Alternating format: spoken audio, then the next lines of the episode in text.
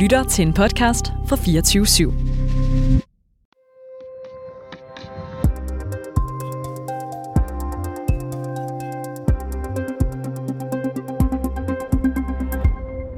Den 24. februar 2022 på dag 1 af Ruslands invasion af Ukraine, ja, der bliver et tyrkisk ejet handelsskib ved et uheld ramt af en bombe ud for den ukrainske havneby Odessa.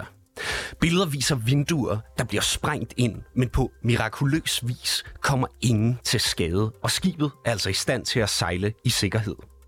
Beskeden om eksplosionen tigger ind på en telefon i et nyhedsstudie i København, og eksperten, der læser den, stopper op.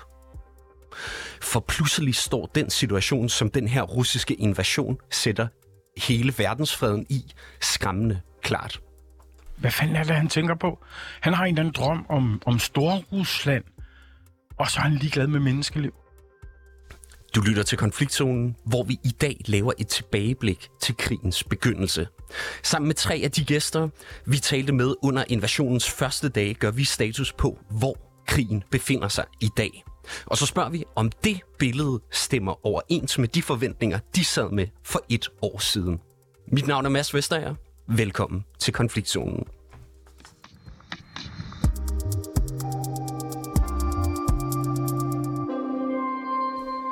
Her Lars Bangert Struve, generalsekretær i Tænketanken Atlantsammenslutningen. Velkommen til. Mange tak. Og øh, det var dig, vi hørte her i øh, klippet før.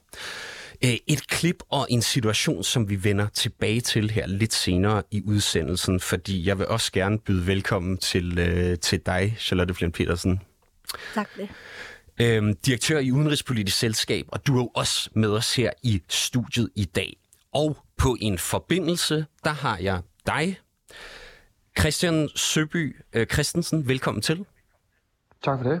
Du er seniorforsker og vicecenterleder ved Institut for Statskundskab på Københavns Universitet. Lad os lige begynde med et, over, et tilbageblik på, hvad I hver især sagde om krigen for et år siden. Og vi starter med dig, Lars Bangerstruve. For ud over din tydelige frustration over Putin, som vi som sagt vender tilbage til her lige om lidt, øh, ja, så, øh, så dagen efter invasionen begyndte, der sagde du altså sådan her i 24-7's program Krig i Europa. Basalt set, min analyse, Ukraine er tabt. Ja, Lars Bangerstruve, du vurderede simpelthen, at Ukraine var tabt. Øhm, mener du også det i dag? Jeg har en frygt for, at Ukraine er tabt, øh, hvis det går rigtig galt. Øh, og i, i de første par dage, der havde jeg en klar analyse af, at, at, øh, at ukrainerne ikke kunne holde russerne igen. Øh, og der tog jeg fejl. De, de lavede en, en, en, en meget, meget velgennemført og velgennemtænkt øh, militær strategi, der hedder henholdende kamp. Så de trak russerne tynd. Altså for hver kilometer, du giver russerne, øh, så skal de forsvare den kilometer. De skal bringe forsyninger en kilometer længere frem. Og det var virkelig velgennemtænkt fra, fra ukrainsk side, og jeg tror, at de færreste af os, der stod i studiet, øh, turde håbe på, at det lykkedes så godt for ukrainerne. Men, men jeg har stadigvæk sådan så, at jeg tør ikke sige, at ukrainerne øh, vinder denne her krig. Det, det er en meget stor krig, og den kan komme til at tage meget lang tid.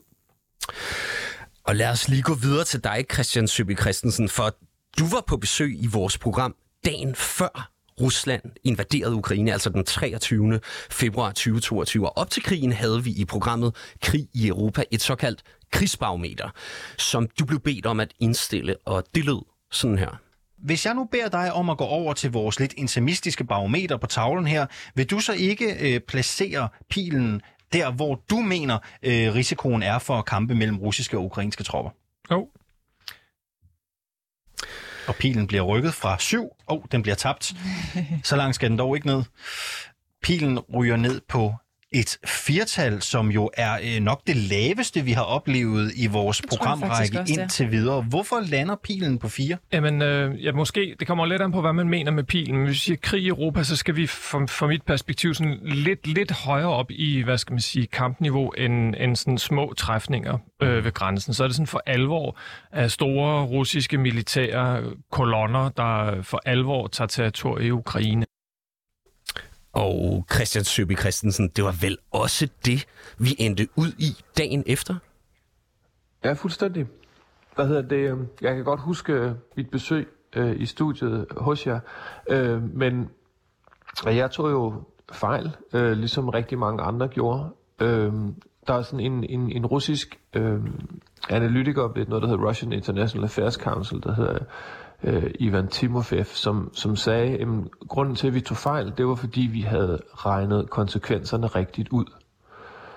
Øh, og hvad hedder det, grunden til, at jeg havde enormt svært ved at forestille mig, at Rusland indledte en stor krig, var, selvom jeg delte Lars Bangers analyse af, at de nok ville, ville vinde relativt hurtigt, det var simpelthen, at det var en, altså konsekvenserne ville være så, så gigantisk omfattende, ikke mindst for Rusland selv, og det ville være så, så enormt stor en, øh, stor en risiko at påtage sig. Jeg havde svært ved at se Putin øh, gå, gå, gå hvad hedder sådan noget, fuldt ind i Ukraine.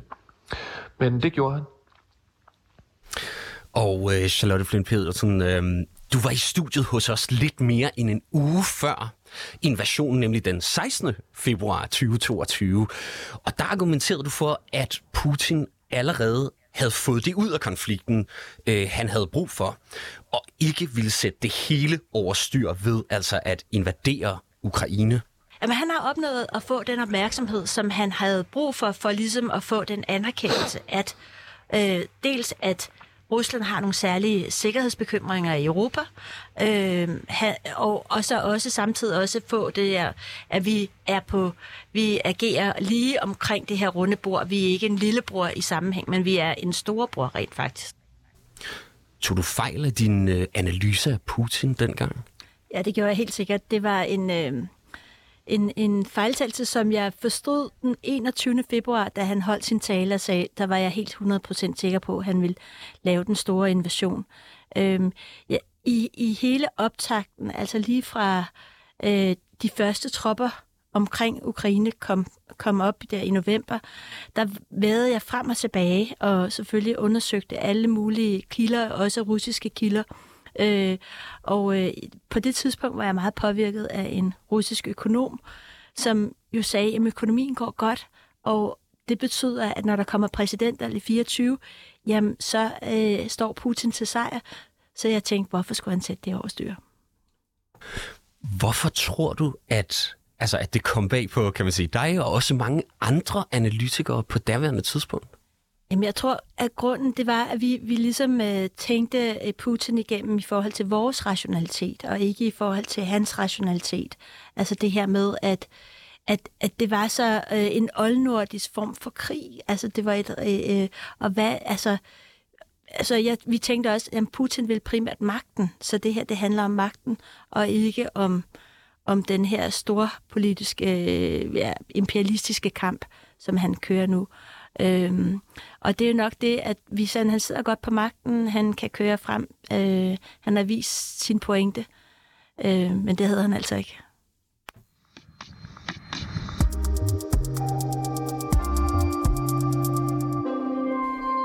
Ja, vi må slå fast, at den russiske invasion og hvordan den er forløbet, det er kommet bag på de fleste.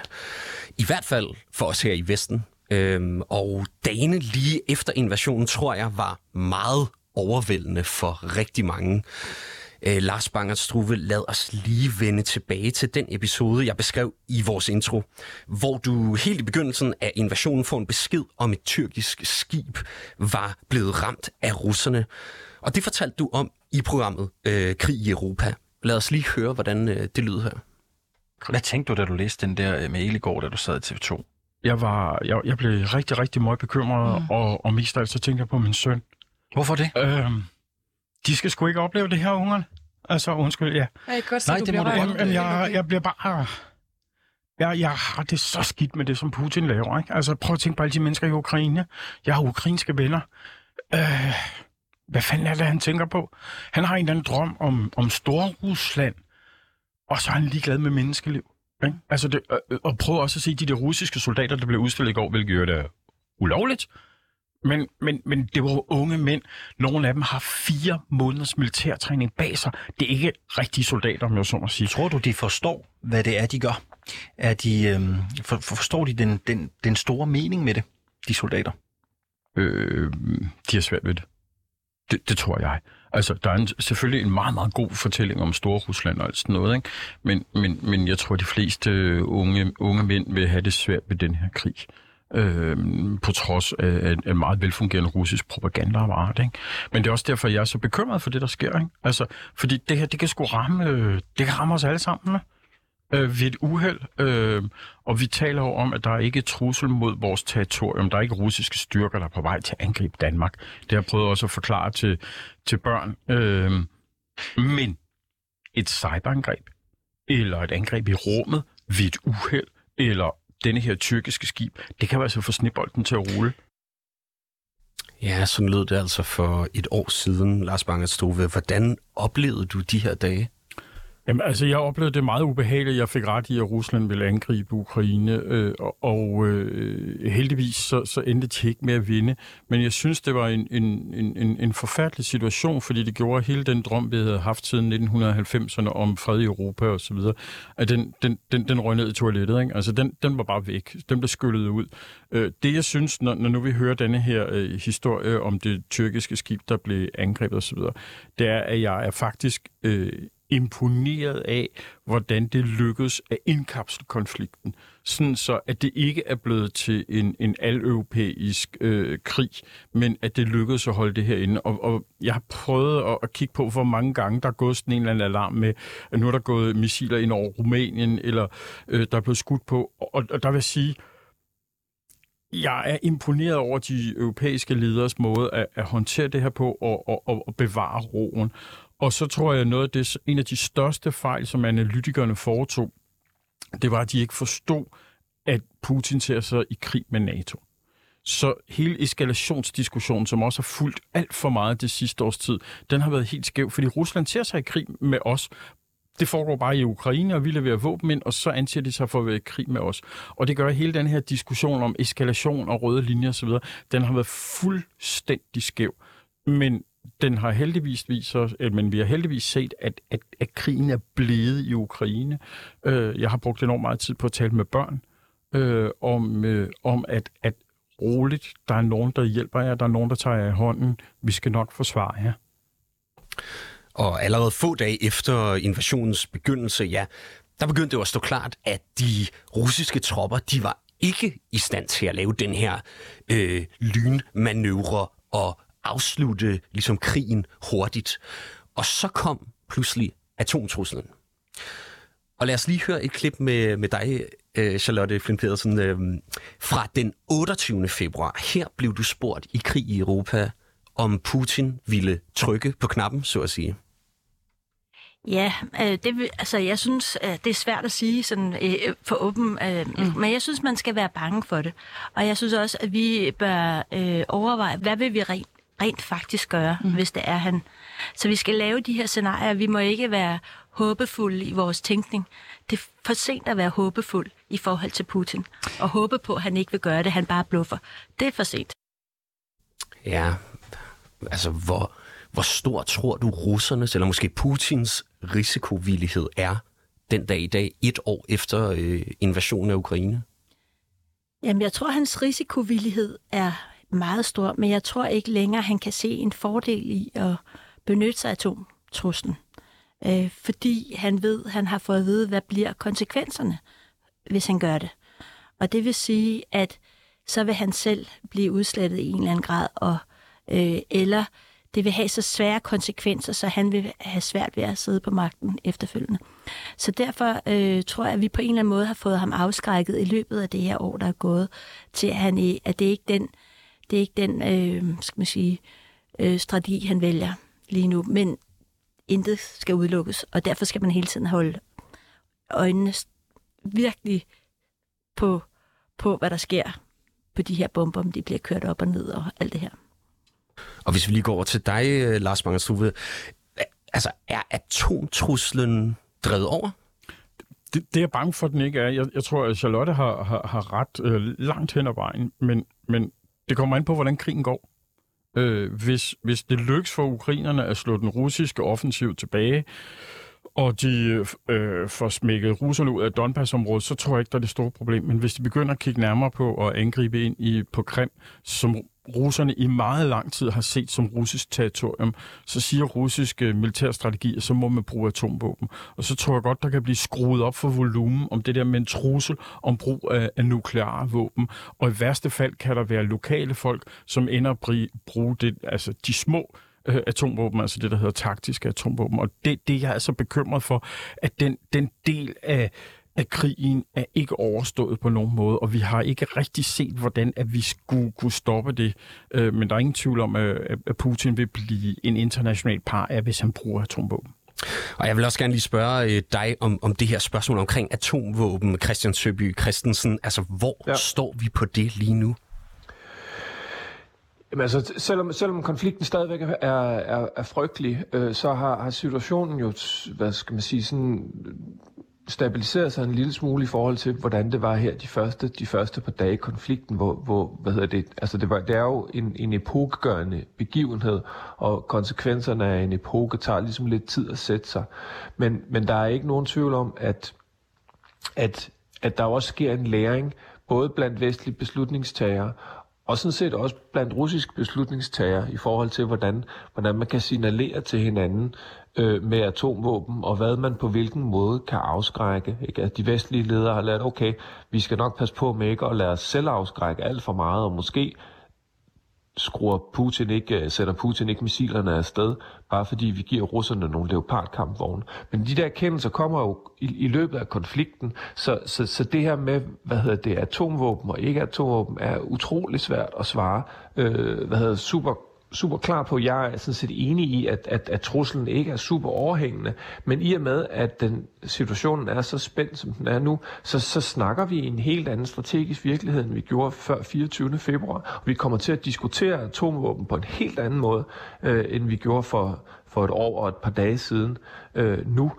og i fremtiden i Europa, fordi de er en del af kalkylen, og det er et kort, altså ikke det at kaste atomvåben, men at, at signalere med sin atomvåben. Det er et kort, som både Putin og Vesten i højere grad vil komme til at benytte sig af i tiden fremover. Både hvad skal man sige, lokalt i forbindelse med konflikten i, i Ukraine, men også som del af den større konfliktsituation, som, som, som Lars henviste til tidligere. Ikke? At det kan godt være, at vi ikke selv synes, vi er i krig med Putin, men det synes Putin, han er med os.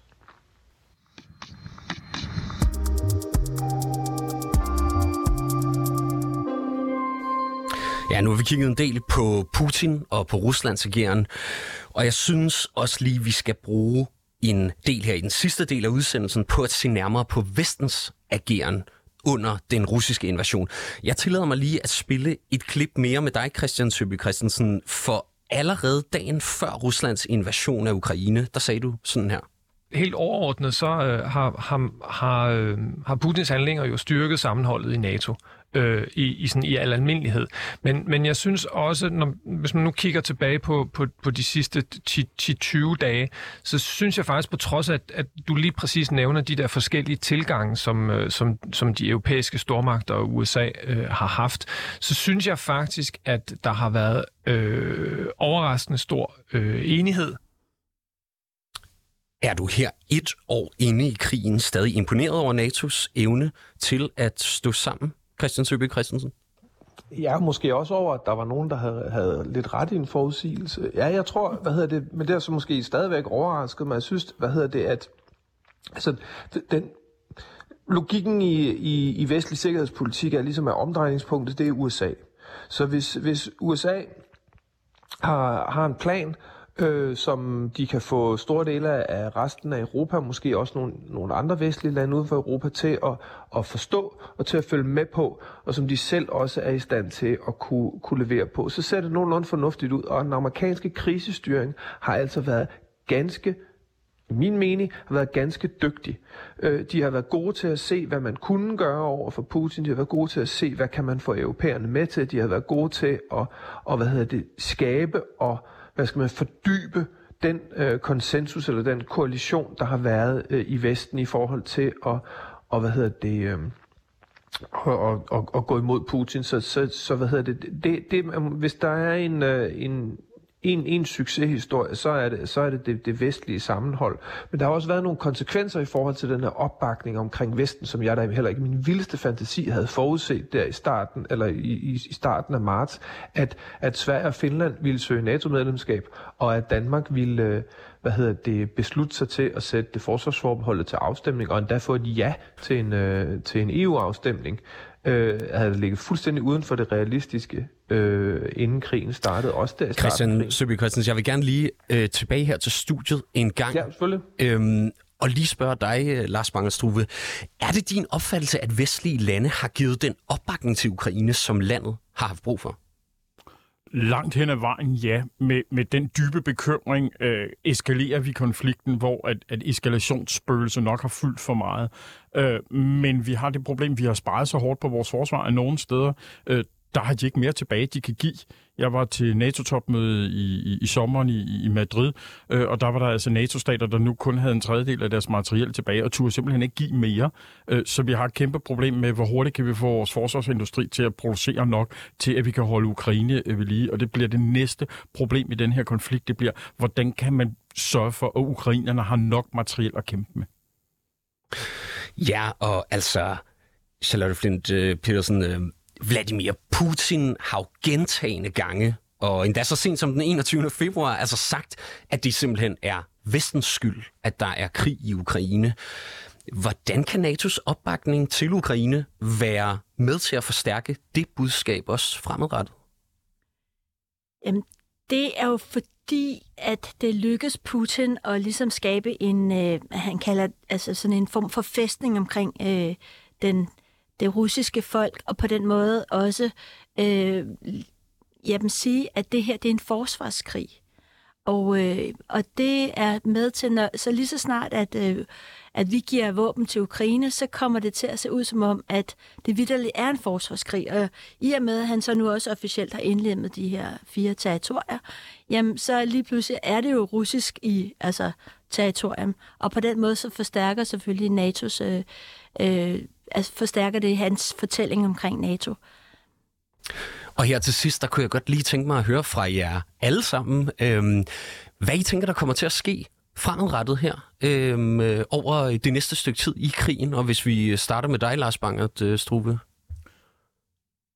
Der er rigtig meget, der afhænger af, lykkes det ukrainerne at stoppe den russiske offensiv? Øh, og der kigger jeg øh, som historiker tilbage på, hvad der skete tidligere, og der kigger jeg på Brusilov-offensiven 1916, hvor russerne banker afsted, og så kan de ikke mere og bryder sammen, og det medfører store mængder russiske soldater, der flygter fra fronten og tager hjem, og det udløser den russiske revolution. Jeg tror ikke, vi kommer til at se en russisk revolution, men vi kan godt se et totalt sammenbrud, fordi de simpelthen trækker sig tynde endnu en gang, sådan, så de simpelthen ikke har nok til at kunne, kunne forsyne sig. De opererer ind i et fjendtligt territorium, hvorimod ukrainerne forsvarer sig på deres eget territorium. Så, så det, det er noget af det, jeg tror måske i virkeligheden også håber på, og det gælder om at passe på i den her konflikt med, med at komme med for mange håb. Og jeg vil også gerne række det øh, samme spørgsmål over til, øh, til dig, Christian Søby Christensen. Hvad tror du, der kommer til at ske med krigen øh, herover det næste stykke tid? Jamen altså, jeg, det er relativt parallelt med det, med det Lars han siger, for, for jeg lægger måske mere vægt på, hvor, hvor stærk den forventede ukrainske forårsoffensiv vil være, for jeg tror ikke, at, at Rusland har kræfter til for alvor at, at bryde igennem øh, Ukraine, så det er mere om, om, om ukrainerne kan bryde igennem kan bryde igennem russernes, og det er jeg også en lille smule skeptisk for, hvor, hvor stor momentum de kan skabe for sig selv på slagmarken. Så jeg tror desværre, min, min umiddelbare i øjeblikket forudsigelse, som jo skal ændre sig om 14 dage, når der sker noget, men det er, at vi kommer til at se en, en, en, en forholdsvis stillestående, men stadigvæk ganske højintensiv konflikt i, i det østlige Ukraine, der vil kværne soldater, indtil en af parterne øh, mister øh, energi og politisk vilje til at fortsætte det slagteri, der foregår i øjeblikket. Og afslutningsvis så vil jeg også gerne øh, give dig øh, mulighed øh, for at øh, svare på det samme spørgsmål, øh, Charlotte Flint Pedersen. Jamen, nu er jeg jo ikke, jeg er jo ikke som sådan, hvad hedder det, krigs, hverken krigshistoriker eller militæranalytiker, så det er lidt svært for mig at lave sådan en forudsigelse omkring, altså lige nøjagtigt, hvad sker der på slagmarken. Men jeg tror, at øh, opbakningen til Ukraine i EU og alle mulige af de her instanser bliver stærkere og stærkere, og vi kommer til at formulere sideløbende med det, der foregår på slagmarken, og der bliver det også afhængig af, hvad der foregår på slagmarken, en forestilling om, hvordan freden kommer til at se ud. Øhm, og det handler blandt andet om vores internationale institutioner, om, hvor, om hvordan EU i virkeligheden vil håndtere, øh, skal man sige, krigen i Ukraine, og også få øh, indlemmet Ukra- altså finde en, en plan for, hvordan øh, Ukraine kan blive en del af EU, fordi det bliver vigtigt for en, et fredsperspektiv. Tak skal du have for det, og tak til jer alle tre, fordi I var med i dag.